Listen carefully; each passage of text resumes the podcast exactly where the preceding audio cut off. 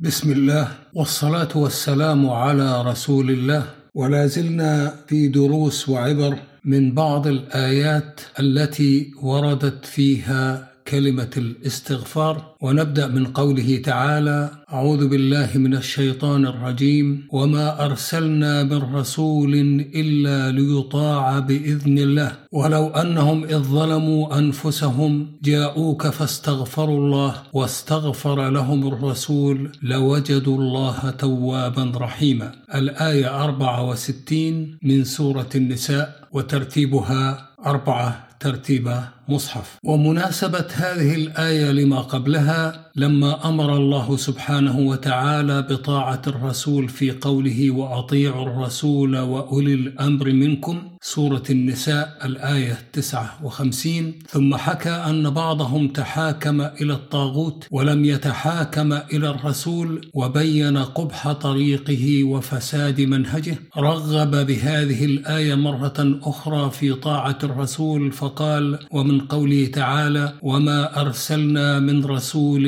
إلا ليطاع بإذن الله بمعنى أي لم يبعث الله تعالى الرسل ومنهم محمد صلى الله عليه وسلم إلا لأجل أن يطيعهم الناس ويتبعوهم وذلك بتقدير الله تعالى وقضائه ومشيئته. قال تعالى ولو أنهم إذ ظلموا أنفسهم جاءوك فاستغفروا الله واستغفر لهم الرسول بمعنى أي ولو أنهم حين يقع منهم الخطأ والزلل أتوا إليك يا محمد في حال حياتك معترفين بذنوبهم طالبين من الله تعالى سترها والتجاوز عن المؤاخذة بها وطلبت من الله تعالى أن يغفر لهم ومن قول تعالى لوجدوا الله توابا رحيما بمعنى أي لو فعلوا ذلك لتاب الله جل وعلا عليهم بمغفرته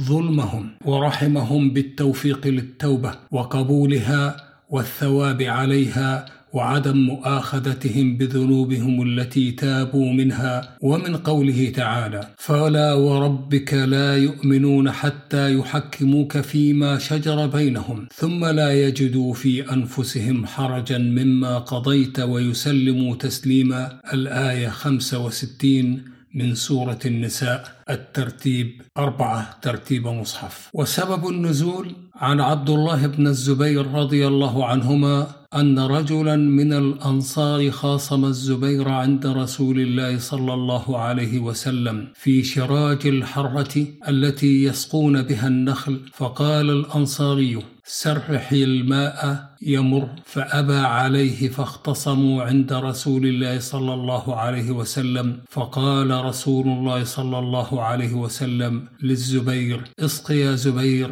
ثم ارسل الماء إلى جارك. فغضب الأنصاري فقال يا رسول الله أن كان ابن عمتك فتلون وجه نبي الله صلى الله عليه وسلم ثم قال يا زبير أسقي ثم أحبس الماء حتى يرجع إلى الجدر. فقال الزبير والله إني لأحسب هذه الآية نزلت في ذلك. فلا وربك لا يؤمنون حتى يحكموك فيما شجر بينهم ثم لا يجدوا في أنفسهم حرجا. ومن قوله تعالى فلا وربك لا يؤمنون حتى يحكموك فيما شجر بينهم أقسم الله تعالى بنفسه الكريمة على أنه لا يؤمن أحد يا محمد. الإيمان المطلوب والمقبول منه حتى يحكمك في جميع الأمور التي يحصل فيها اختلاف. ومن قوله تعالى ثم لا يجدوا في أنفسهم حرجا مما قضيت بمعنى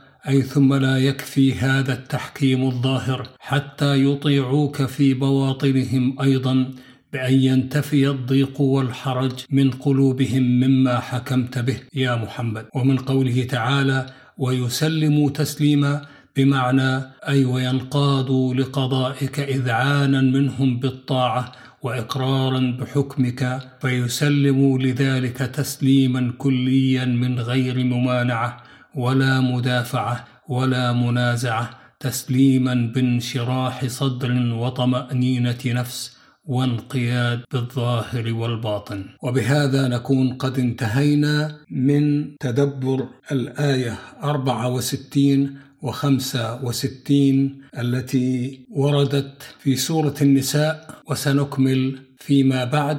هذا ونستودعكم الله الذي لا تضيع ودائعه. والسلام عليكم ورحمة الله وبركاته.